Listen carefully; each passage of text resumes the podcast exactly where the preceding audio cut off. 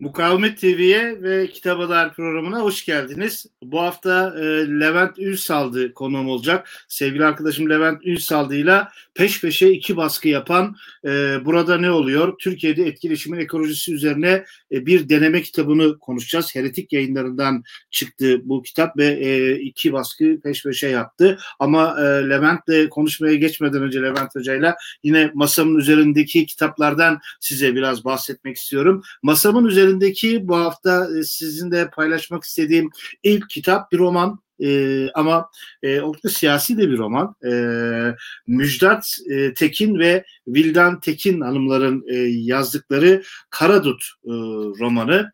E, oldukça bir güzel bir aşk romanı. E, Bedir Rahmi Eyüboğlu ile e, Mari Gerekmezyan arasında geçen ve o meşhur şiire de konu olan Karadut şiirine de konu olan o güzel aşkı e, anlatıyorlar. E, Mari Gerekmezyan e,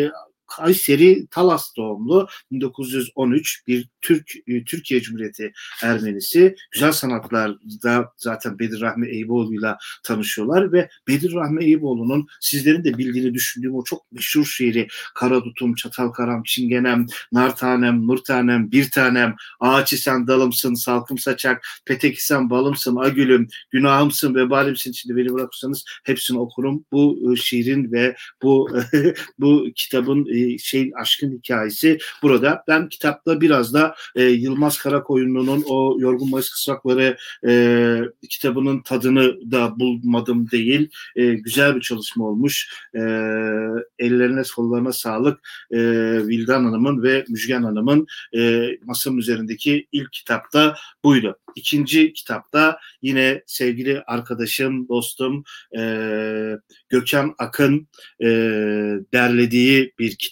Akademi Titiz yayınlarından çıktı. Tarihten Sosyolojiye Niyazi Berkes isimli kitabı. Aslında bu Gökhan Hoca'nın e, bu Second Best dedikleri kitabı birinciyi çıkartmadı, ikinciyi çıkardı. E, çünkü e, doktora tezini de Niyazi Berkes üstüne yaptı ve hemen hemen e, e, gözümden kaçan varsa düzeltirsiniz ileride. E, Niyazi Berk üzerine yapılmış e, en detaylı, en kapsamlı çalışmayı yaptı. Ama benim de içerisinde birkaç makalemin olduğu makaleleri derlemeyi tercih etti Gökhan Hoca. E, o makalelerin üzerinde tekrar çalıştı. Tekrar efendim onu harman etti, yeniden üzerinden geçti falan filan ve e, Niyazi Berkes'in e, 1, 2, 3, 4, 5, 6, 7, 8, 9, 10, 11, 12 makalesini ni tekrar harman etti. Dediğim gibi 3 tane de beraber çalıştığımız Gökhan Hoca ile makale var. Ellerine kollarına sağlık. Gerçekten de Niyazi Berkes ile ilgili serin kanlı e, akademik perspektiften yapılmış çalışmalara ihtiyaç vardı. E, Gökhan Hoca bu eksiklerden birini çarptı. Hocam tezini de kısa zamanda bekliyoruz. Üçüncü masanın üzerindeki e, bugün size tanıtmak istediğim e, üçüncü kitabım Alp Altın Örsün Yordan yayınlarından çıkan kitabı İmkansız Sermaye 21. yüzyılda kapitalizm, sosyalizm ve e, toplum e, kitabı e, Alp Altınörsü e, e, gerek işte e, pratik politik şeyin içerisinden Eczaneler Sosyalist Demokrasi Partisi'nden HDP'den de biliyorsunuz ayrıca Nazım Hikmet Kültür Merkezi'nin de e, de o kütüphanenin de kurucuları arasında yer alıyor. E, kitap e, muazzam bir geniş bir yelpazeden kapitalizmi ve Türkiye'yi ele alıyor. Yani bir bakıyorsunuz ki Çin'desiniz oradan Yemen'e, Hindistan'a, Güney Afrika'ya, Irak'a, Suriye'ye işi de arada derede Türkiye'ye de uğruyor. Gerçekten küresel bir perspektifin içerisinde kapitalizmin geldiği, tıkandığı noktayı, kapitalizmin imkansızlığını ve artık geldiği son noktada e, e, çok düzgün özetliyor. 19 1975'ten 2008'e kadar e, nasıl o işte önce o 75'teki o yapısal krizi nasıl aştığını e, ama 2008'e doğru gelinirken artık nasıl bir organik krize kapitalizmin girdiğini özetliyor. Tabi sadece kapitalizm tahlilleri yer almıyor kitapta. E, Alp Altınörs'ün kitabında e, gerçekten de e, robot üretimi ve sosyalizm, robot teknoloji ve sosyalizm, bolluk toplumu ve metalaştırma, yer yerel yönetim deneyimleri, e, komünal toplum, e, komünizm, komünalizm gibi birçok konuya da yani kapitalizm sonrasıyla ilgili kimi değerlendirmeleri de yine e, bu çalışmada e, yer veriliyor. Yordam yayınlarından çıkan bu kitap e, masanın üzerindeki üçüncü kitaptı. E, e, eline koluna sağlık hocanın. E, dördüncü e, masanın üzerindeki dördüncü kitap bir master tezinden e, derlenmiş. Yordam yayınlarından çıkan bir kitap. Tolgahan e, Aktan'ın Soğuk Savaş Türkiye'nin batıya yönelişi e, başlığını e, taşıyor. E, master tezinden derlenmiş derken e, gerçekten e, e, kayda değer bir e, çalışma olmuş bu şeyde. E, ODTÜ'de yapılmış bir master e, tezinden e, şey e, yapmışlar. E, Systemic Analysis of the Cold War and Turkey's Post-War Drive to the West diye e, efendim e, Mustafa Türkeş hocayla e, yaptıkları bir tezi Türkçe'ye yeniden e, kazandırmış öyle diyeyim e, şeyi e, gerçekten e, soğuk savaş kavramından, dünyada soğuk savaş üzerine yapılan çalışmalardan, Türkiye'de soğuk savaş üzerine yapılan çalışmalardan ve onların eksikliklerine kadar her e, konuyu e, burada e, bulmak mümkün. Gayet e, titiz bir çalışma olmuş, titiz bir master çalışması olmuş. E, birkaç noktada benim e, eleştirilerim e, olacak. E, son bölüm e, Türkiye'nin e, batıya yönelişinin karakteri e, oldukça iddialı bir başlık taşıyor ama e, 15-20 sayfada e, sadece olaylar özetleniyor. Keşke daha e, böyle bir Türkiye'ye o batıya yönelişinin daha bir tahlili yapılsa mıydı? E, belki tezi biraz daha o yönde genişletmek mümkün olabilirdi. Bir de sonuç bölümü biraz daha alasmalalık tadında olmuş e, Tolgahan Hocam. E, keşke biraz daha a, analitik hale getirilseymiş ama gerçekten soğuk savaş kavramı ve soğuk savaş üzerine yapılan çalışmalarla hem dünyada hem Türkiye'de gerçekten oldukça güzel bir çalışma olmuş. Yordam yayınları da e, bu akademik çalışmaları e, kitaplaştırma konusunda e, gayet titiz çalışıyor. E, bunları ben önemli olduğunu düşünüyorum. Akademik çalışmaların da e, doğru düzgün akademik çalışmaları tabii e, kitaplaştırılması konusunu. Elimdeki e, son kitap bu hafta e, masanın üzerindeki e, son kitapsa İstanbul Bilgi Üniversitesi yayınlarından çıkan e, dış politika analizi, konu, kuram ve yöntem başlığını taşıyan bir kitap. E, derleme bir kitap.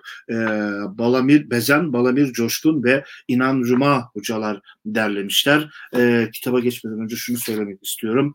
E, İstanbul Bilgi Üniversitesi e, bu son dönemlerde e, bu üniversitelerin yayıncılığı konusunda e, açık ara önde gidiyor. Yani kendi üniversiteme de buradan mesaj e, ulaşır ulaşmaz bilmiyorum.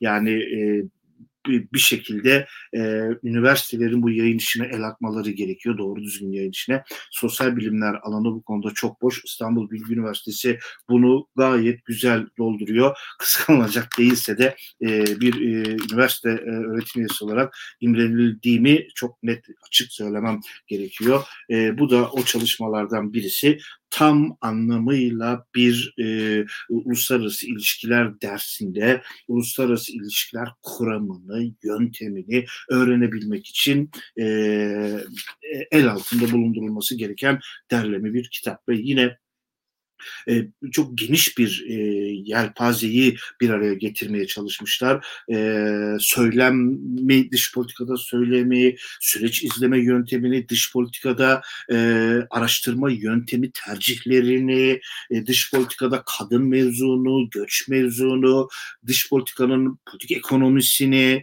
e, e, bütün bunları e, farklı yazarların kalemlerinden e, okumak mümkün. E, Bezen hem Balenur Coşkun ve İnan Cuma hocalar da, e, da hem yazılarıyla hem de editörlükleriyle katkıda bulunmuşlar. Gerçekten e, çok önemli bir katkı e, olmuş şeye. Evet e, masamdaki e, bu hafta sizlerle paylaşmak istediğim kitaplar bunlardı. Şimdi e, Levent hocamı davet etmek istiyorum. Onunla birlikte burada neler oluyormuş bir birlikte bir konuşalım.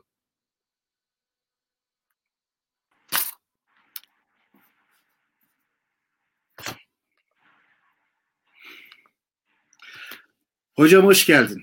Merhaba Mete Hocam, nasılsın, iyi misin? Teşekkür ederim. Sen de iyisin. Fransa'dasın. Evet evet halen buralardayım. Burada devam ediyorum. Evet. Hocam e, burada neler oluyor kitabı 2019'da çıktı ama 2020'de de e, ikinci baskısını yaptı. Senin de genel yayın yönetmenliğini yaptığın Heretik yayınlarından e, çıktı e, kitap. E, ben e, hemen birkaç kitapla ilgili e, çıkarttığım notlardan sana e, sorularım olacak. Tartışma şeyleri bunlar. Tabii tabii tabii. tabii.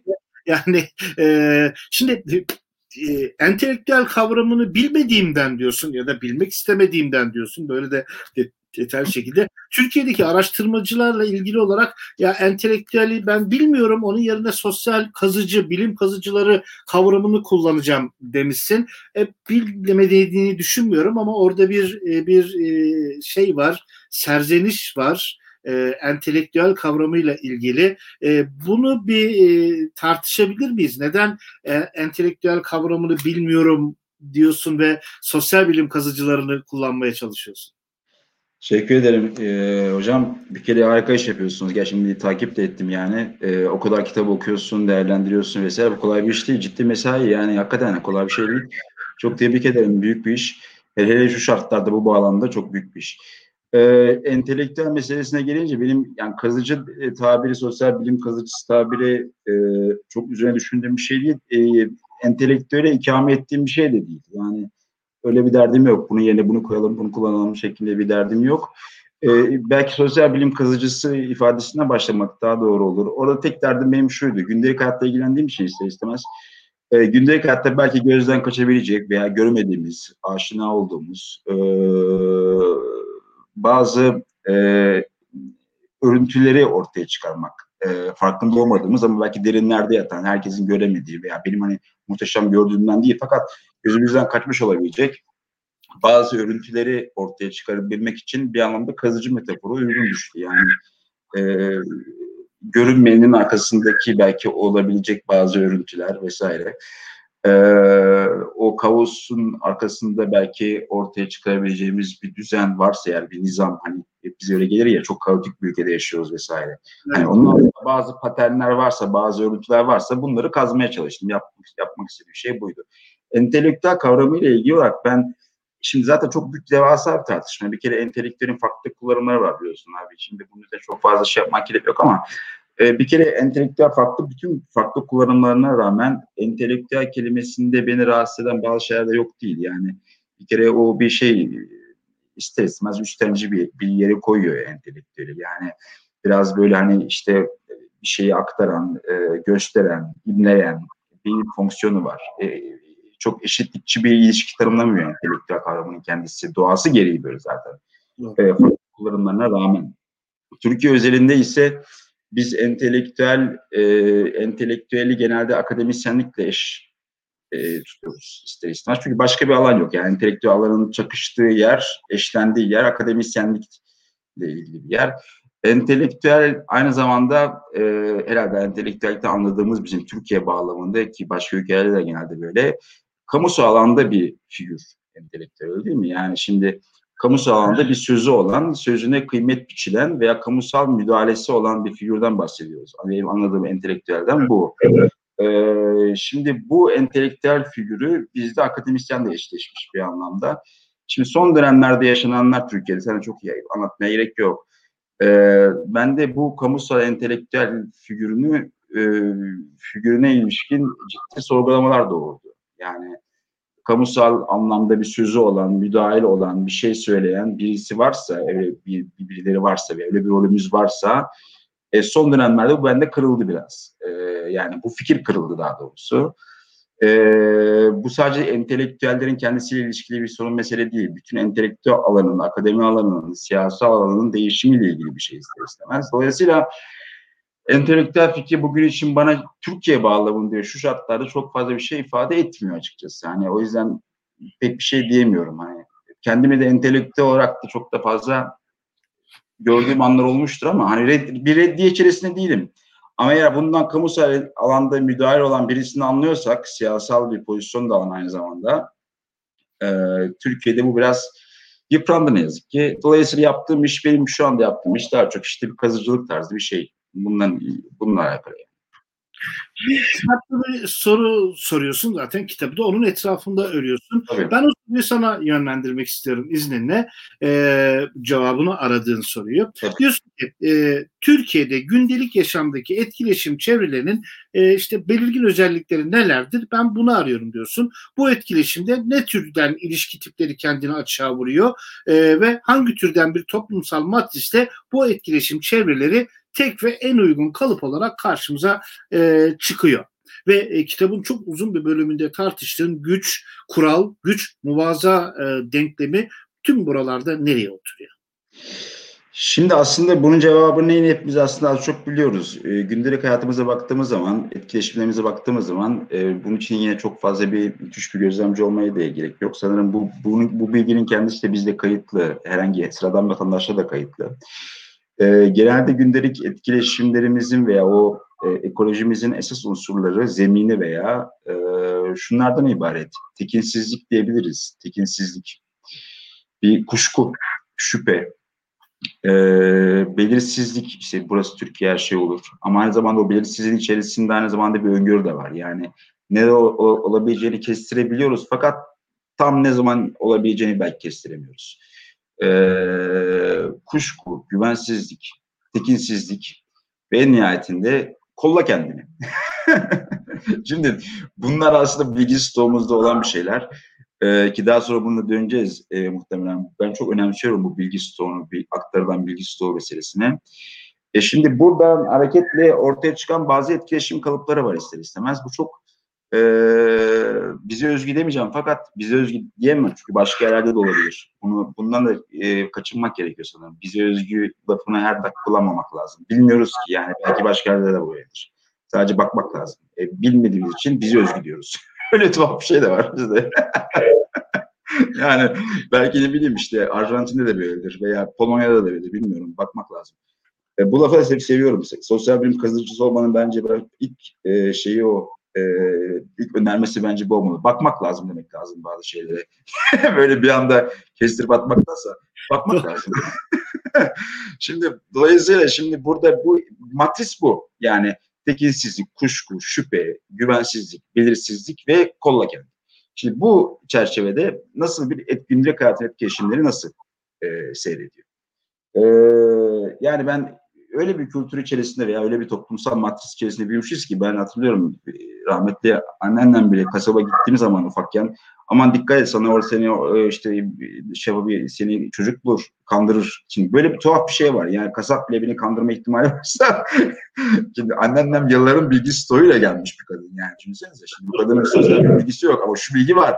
E, mahallenin kasabı seni kandırabilir. E, niye kandırırsın ki? Kandırabiliyor demek ki. böyle bir durum var. Şimdi bundan Pardon? Herkes kaçar. E yani şimdi bu bilgi bizde var. Şimdi bu dolayısıyla etkileşimlerimiz etkileşim ekoloji, ekolojimize bu unsurlar silmiş. E, buradan kaynaklı olarak benim yaptığım şey biraz daha işte projeksiyon e, cihazımı, kendi teorik cihazımı diyelim. İşte onun içerisinde bir sürü farklı şey var, e, teorisyen var. Bu etkileşimlere e, etkileşimlere projeksiyonu yöneltmek yaptığım şey aslında buydu. Şimdi mesela burada kural güç ve muvaza dediniz. Belki güç ve muvazayı biraz belki ileride almak lazım. Çünkü başkalaşmış çerçeveyle çok yakından ilişkili şeyler. Gerçi kural da ilişkili ama kural üzerine belki şunu demek e, gerekiyor. Ben kuralı şey olarak almıyorum. E, bütün formal biçimsel şeklinde almadım. Daha çok bu konuda şeyden çok etkilendim. E, felsefi soruşturmalarda Wittgenstein'in bir metni var. Çok çok kısa bir metindir ama kuralın antropolojisi der mesela Wittgenstein buna. Daha çok normatif taziye üzerinden aldım ben e, kuralı. Yani kuralı, kuralı bir e, mekanik bir takip emri veya yorumlanan bir şey olarak değil de e, durumun içerisine sınmış, belli bir e, toplumsal durumun içerisine sınmış, e, e, sın, e, sızmış, sinmiş zorunluluklar sistemine uygun düşen davranış şekli olarak aldım. Yani normatif tarafından baktım. Bu ciddi bir tazik aslında durumun gerektirdiğini yapmak bir şey aslında. Yani kural aslında durumun içerisinde var. Şimdi bahsettiğim başkalaşmış çerçeveler böyle çerçeveler ve orada kural e, aslında fiilen olan e, fiilen gözlenen pratiklerin esası. Münasip düşen, uygun düşen, duruma durumun zor, zorunluluklar sistemine uygun düşen şey. Şimdi burada mesela çok basit örnekler veriyor. Çok fazla var kitapta. Mesela şöyle bir şey. Ee, şimdi tabii herkes üstüne anlamıyor ama e, mesela Türkiye'de bilinen bir şey vardır. Çorba parası diye bir şey bilinir değil mi? Çorba parası. Evet. Çorba, çorba parası pratiğinin e, mevcut olabilmesi için her iki taraf tarafından, bütün katılımcılar tarafından o duruma, o durumun bilgisinin bilgisinin bir kere e, aktörlere kayıtlı olması lazım. Yani daha önce yaptım, yapabilirim, yapılmış, oluyormuş bilgisinin. Yani makullük rejimi, durumların kendi makullük rejimi var. Şimdi o çorba pratiğinin içerisinde aslında devasa bir bir dizi kural bütünü var orada. Şimdi bunların bazıları elbette yasa tarafından tanınmayabilir. O başka bir mesele. E, hatta kuralsızlık dediğimiz zaman aslında bahsettiğimiz şey şu. Mevcut pratiklerle e, mevcut pratiklerde gözlemlediğimiz e, esasın beklediğimiz yani metinlerde yazan esas olmaması. Ama bu durumun kendisinin kendisinde özgü bir kurallar bütünü olduğu anlamına kurallar bütününün mevcut olmadığı anlamına gelmiyor. Yani orada bir dizi pratik var. Uygun düşen e, münasip düşen eylem tarzı var. Bu bilgi de kayıtlı herkeste. Kural derken benim bahsettiğim daha çok buydu. Yani e, toplumsal durumlarda kayıtlı bir dizi konvansiyon e, taraftarca paylaşılan ve o durumun zorunluluk sistemin içerisine sinmiş. Daha sonra bunun bazılarının e, bu e, pratik zincirlerinin bir kısmının formal hukuk tarafından yasal olması, olmaması, kuralsızlık olarak addedilmesi başka bir mesele. Ama ben gözlemlediğim şeyleri sadece bahsetmek istedim. Evet. E, kuraldan e, anladığım biraz buydu benim. Yani daha normatif tarafından okumaya çalıştım. O e, e, bütün dikotomileri aşmaya çalıştım kitapta. Mesela formal, informal, kural, kuralsızlık gibi. Hayır orada bir kural var. Çorba pratiğinin kendisi çok ciddi bir konvansiyon dizisi var. Taraflarca paylaşılan. Ha daha sonra e, metinler ve hukuki anlamda, formal anlamda bunun bazı kısımlarının e, çok da münasip olmaması başka bir husus. Bunlardan e, bahsetmeye çalıştım. Şimdi hocam e, e, diyorsun ki kitabında e, Türkiye üzerine e, yapılmış hiçbir çalışmaya yerli ya da yabancı referans vermedim diyorsun. Baktım vallahi vermemişsin. Bir tek kendim varsın. Evet, benim, o da bir yerde var. Bir, bir yerde var sanırım. Evet. Bir de e, diyorsun ki, ki e, bazı kavramları kullanmadım diyorsun. Kemalist, İslamcı, modern. Bunların sosyolojik kullanımlarının uyutucu olduğunu söylüyorsun. E, neden bunlar böyle narkotik kavramlar? Bunları daha böyle sosyolojik ve politik anlamda afrodizyak olarak da kullanamaz mıyız? Ya da sen niye daha böyle uyuşturucu gibi gördün bunları?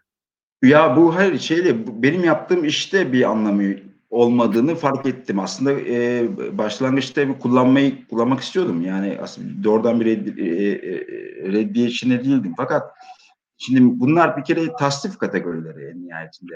Evet.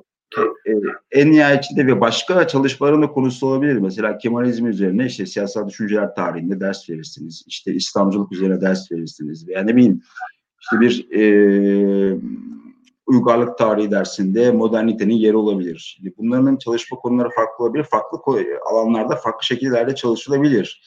Keza yine gündelik pratiklerde şunu çalışabilirsiniz. Mesela modernite pratikleri çalışabilirsiniz. Mesela birileri birilerine ne yapınca modern diyor. Mesela, mesela ne evet, yapınca modern oluyoruz. Hani birisi modern birisi değil. O işte o değil. Şimdi bunlar mesela gündelik hayatta modernite pratikleri çalışılabilir. Başka bir mesele bu. Ee, benim çalışma sahamda veya benim projeksiyonu tuttuğum e, projeksiyonu tuttuğum nesnede bu kavramların pek bir işlevselliğinin olmadığını farkına vardım. Tek dediğim bu. Onun dışında toplar, top, toplu bir hediye içerisinde değilim. Fakat e, şöyle bir tarafı da var tabii. Şimdi bu kavramların kendisi başka alanlarda işlevsel olabilir. Ama aynı zamanda o alanın kendi içerisindeki entelektüel gelenekleri de gönderiyor bu kavramlar. Şimdi e, bir metni yazarken bazen bu kavramları kullanmak zorunda hissedersiniz, hissediyorsunuzdur da. E, çünkü başka türlü e, uygun düşmez veya okunmaz veya ilgi çekmez gibi söyleyelim bunun adına. Bunlar bir tipoloji olarak girmiştir o alanın kendi çalışma sahasına ve yerine üretilir. Mesela çok basit ve sadece Türkiye için de değil. Çok ciddi bir sorun mesela bu. Özellikle yurt dışında e, yayın yapacak sosyal bilimciler için. Çok başıma gelmiştir bu Bir metin yazarsınız. Meselenin uyduruyorum. Meselenin Kemalizmle veya Osmanlı'ya bir alakası yoktur. Fakat öyle veya böyle hakemler size mutlaka meseleyi Osmanlı'dan başlatmanızı isterler. İlginçtir. Ee, ve oradan Kemalizme bir atıf yapmanız gerekir. Şimdi yazarsınız ya ecnebi dilde Kemalizm sanki böyle hani yeni başlayanlar için Kemalizm gibi bir şey. Şimdi çünkü hakem onu istemiş. Şimdi Kemalizm yazarsınız oraya. Şimdi dipnot koyarsınız. Başlarsınız Kemalizmi tanımlamaya. Yani yeni başlayanlar için e, Kemalizm gibi bir şey. Şimdi bakarsınız ki lan bu çok da böyle tanım, zor tanımlanıyor. Yani dipnotta tanımlanacak bir şey değil. dipnot, baş, dipnot iki sayfa falan olmaya başlar. İki sayfa falan böyle sürer dipnot. Şimdi bu yabancı yerlerde yayın yaptığınız zaman mesela çok ciddi bir sorundur. Çünkü e, sizden bunu beklerler. E, böyle bir tanım vermenizi beklerler. Fakat dipnotta fark edersiniz ki çok kolay bir şey değil bu. yani uzun iki sayfa olur dipnot falan. Şimdi demek ki bazı e, alanların veya bazı tematiklerin çalışılma şekline e, veya alanlara özgü bazı tipolojiler de var ve bunlar ister istemez kendisini dayatıyor. E, benim durumumda, benim çalışma sahamda kendisini e, dayatmadı diyelim veya ben işte kaçınmaya çalıştım veya pek fazla işlevsel bulmadım. Ama dediğim gibi e, başka alanlarda işlevsel olabilir. Milyon tane şekil var bu e, tasdiflere çalışmanın en nihayetinde. Şimdi çalışmanızda e, Goffman'ı temel alıyorsunuz ama e, onun peşine bu e, antropolog ve dil bilimci Gregory Bateson'ın da da da bir referans vererek onu da kulağını çınlatarak e, bu e, e, şeyi tanımlıyorsunuz. Etkileşim kavramını tanımlıyorsunuz. Oradan da deneyime e, geçiyorsunuz. E, katılımcıların birbirlerinin eylemleri üzerinde tatbik ettikleri karşılıklı etki diye tanımlamışsınız şeyi e, etkileşimi. E, deneyimi de bunun sonunda elde edilen şey olarak e, tanımlayabilir miyiz? İlk sorun bu. Bir de bu deneyim ve etkileşim arasındaki rabıta üzerine birkaç cümle e, de dinleyebilir miyiz? Tabii tabii. Bir kere Batson'ı e, andığın için çok teşekkür ederim. Ben çok etkilendim o adamdan. Yani Goffman kadar ama belki Goffman'dan da çok çok ilginç bir biyografisi var. Yani antropolog, dil bilimci, aynı zamanda psikiyatriyle ilgilenmiş müthiş bir de ya. Yani e, işte Margaret Mead'in eski eşi vesaire şu. E, şimdi aslında etkileşim kavramının pragmat, pragmatist yorumu oradan geliyor. E, Batson'dan geliyor. Yani e, iletişim kavramı da keza şekilde öyle. Yani e, taraflar arasındaki etkisi üzerinden ben e, meseleyi kavramaya çalıştım. E, çok pragmatist bir yorum. Metin çok pragmatik, e, pragmatizm içerisinde yer alan bir metindir. Yani, o, yani referanslar olarak baktığınız zaman.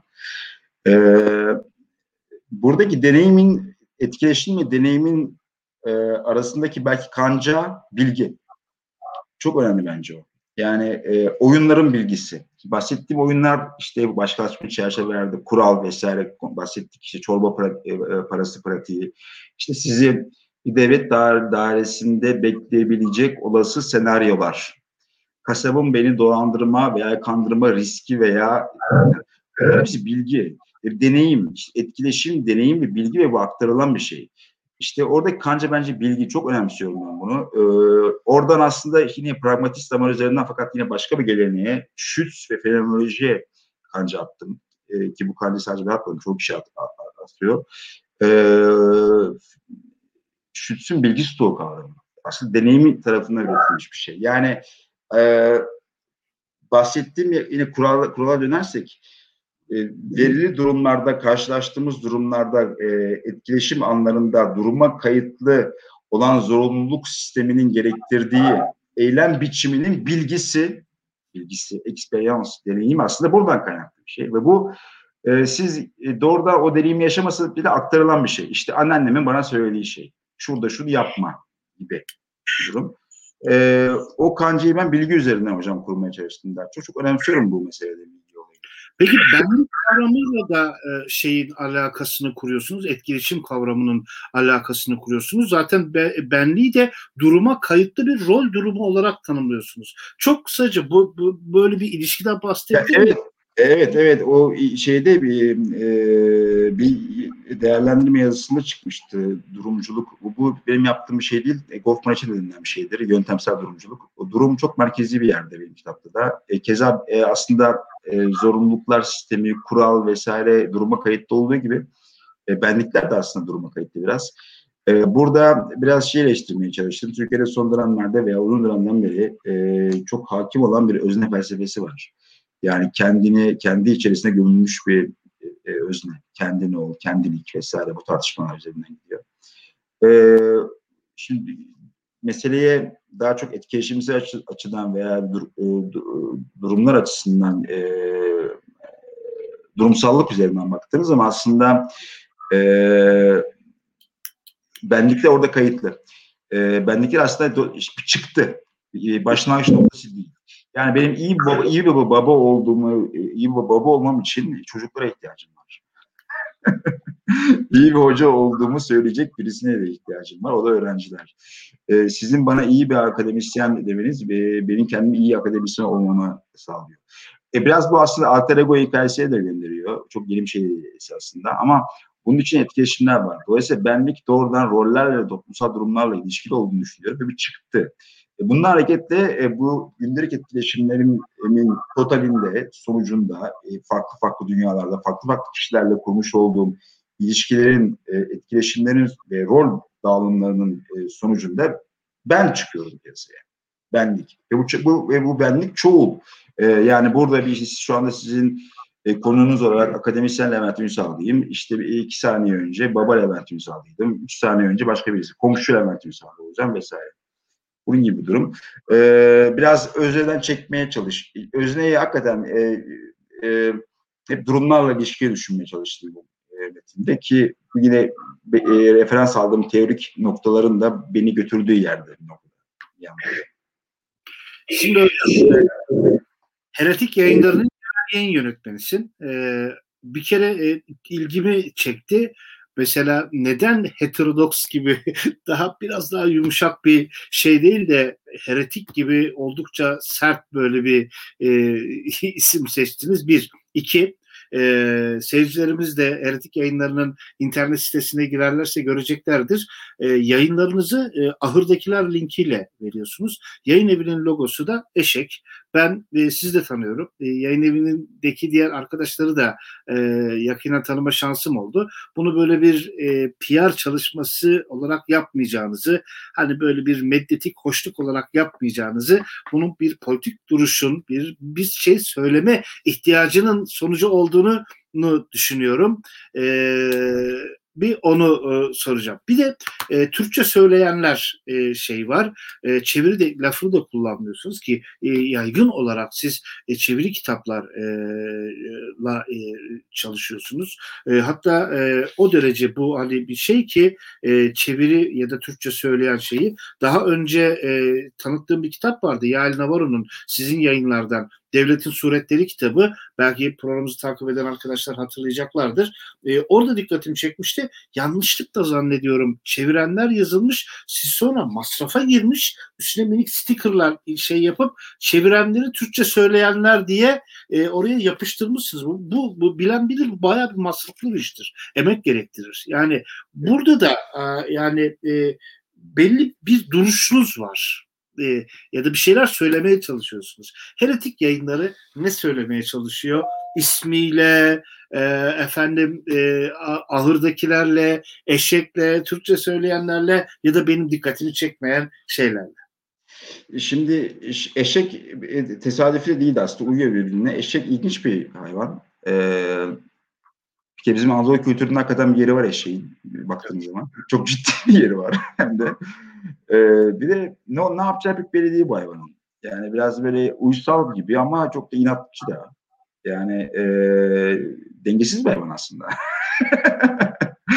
e, inatçı ne yaptı belli olmuyor ama çalışkan da işte bize hafiften eretikle uyuyordu bir anlamda. Yani bir şeyin içinde hem olmak hem olmak gibi bir şey aslında heretik biliyorsunuz. E, Ortodoks heterodoks ayrımının içerisinde heretik aslında o sınırda konumlanan yani bir alan varsa yani dedim o alanın sınırında konumlanan ama aslında alanın hem içinde hem dışında olmayan birisi.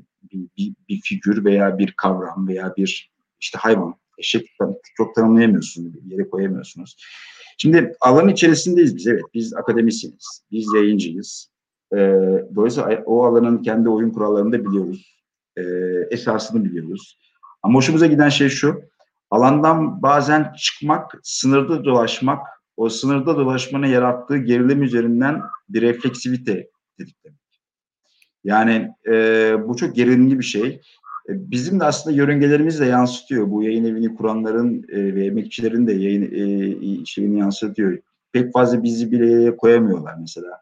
O hatlarda sınırlardayız. Hem giriyoruz hem çıkıyoruz. Ama bu hoş bir şey aynı zamanda. Yani tuhaf bir gerilim yaratıyor ve bu gerilim çok yaratıcı düşüncelere de e, imkan tanıyabiliyor.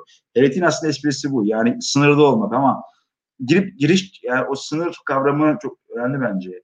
Alana girip çıkmak ve bunu yarattığı gerilim üzerinden e, yaratıcı bir düşünce sevk etmek. Mesela disiplinler arası şeyleri seviyoruz biz. E, hiçbir zaman sosyoloji övgüsü yapmadım. Başka disiplinler de var. Başka alanlar da var. E, daha böyle bir ne diyelim sınırlar arasında dolaşan bir yerde durmaya çalıştık. E, Türkçe söyleyen e, malum Can Yücel'in bir e. Vallahi ben e, bu fikri veren bize Kurtuluş Kayalı'ydı. Onu da söylemiş olayım. Hocaya da buradan selamlarımızı gönderelim. İzlemiyordur muhtemelen ama yine de e, e, selamlarımızı gönderelim. E, o bunu önermişti. Sonra tabii Can Yücel figür üzerinden gittik. Oradaki dert şu. Yani e, çeviri meselesinde biraz daha e, serbest ve çeviri meselesi. Yani kelime kelime değil de biraz daha o fikri anlatmak. E, metinlerdeki fikri anlatmaya çalışıyor. Ha bunu ne kadar başarıyoruz o, o tartışılır. Gerçekten tartışılır. Yani e, sonuçta biz tahsis sırasında olsun, çevirmenlerimiz çalışırken vesaire mutlaka müdahale oluyoruz. Elimizden geldiğince işte iyi bir şey çıkarmaya çalışıyoruz. Fakat bunu ne kadar başarıyoruz emin değilim ondan. Yani hakikaten Türkçe söyleyebiliyor muyuz bilmiyorum. Ama derdimiz buydu. Yani şöyle bir şey bu. Ne bileyim mesela telefon açıyorsunuz. Evet ne yapıyorsun? E, oturuyorum abi şimdi. Oturuyorum abinin İngilizce Fransızca karşılığı olmaz. Anlamaz kimse de yani. Şimdi.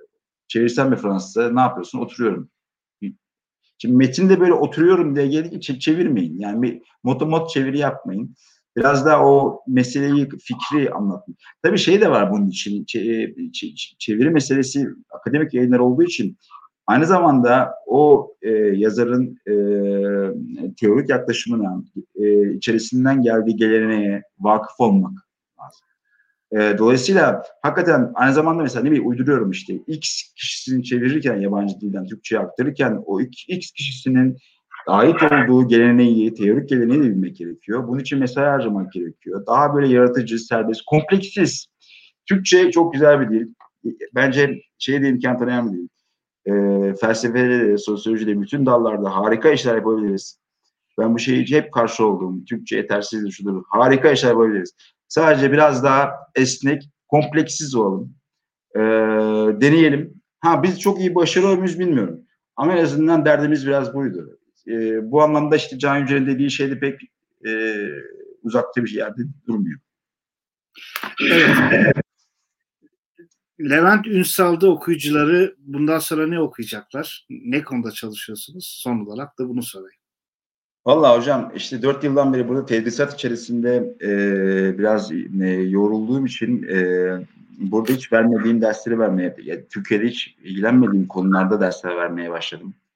E, biraz da ders verirken öğrendim. Genelde biliyorsun bu işler biraz biz böyle biz, biz ders gelir e, ve işte verirsin sonra sen sen de öğrenirsin herkesin bildiği bir durum aslında. Ben bunu biraz e, metinleri aktarmak istiyorum. Özellikle son dönemlerde çok ilgimi çeken bazı konular var mesela iktisat antropolojisi gibi. E, antropolojiye çok yakından ilgilenmeye başladım. Buradaki der, vermiş olduğum dersler e, vesilesiyle. E, iktisatçı arkadaşlar da var işte biliyorsun yayın evinde. Eren Kırmızıaltın ki şu anda yayın evini e, aslında döndüren o Ankara'da. E, dolayısıyla iktisat antropolojisi çok ilgimi çeken bir konu. Belki ilerleyen dönemlerde böyle bir şey yazmak istiyoruz. Daha tedrisi bir şey. Yani daha belki daha teorik, daha tedrisi bir şey. Şu anda kafamdaki e, hatlar biraz böyle. Ben katıldığın için çok teşekkür ediyorum. Ee, ben çok, çok iyi programımıza. Bir programımızın daha sonuna geldik. Görüş ve eleştirilerinizi lütfen kitaba dair et metekankaynar.com.tr adresine yazmayı ihmal etmeyin. E, yayınlarınızı göndermek istediğinizde de e, lütfen PTT Meta sitesi, Batı, site, Batı sitesi Ankara adresine e, gönderebilirsiniz. Levent Hocam çok teşekkür ederim katıldığın için. Ben çok teşekkür ederim abi. Çok hoş sohbet. Çok teşekkür ederim. Başarılar dilerim. Teşekkür ederim. Evet, bir sonraki yayında tekrar görüşmek üzere. Herkese iyi akşamlar diliyorum. İyi akşamlar.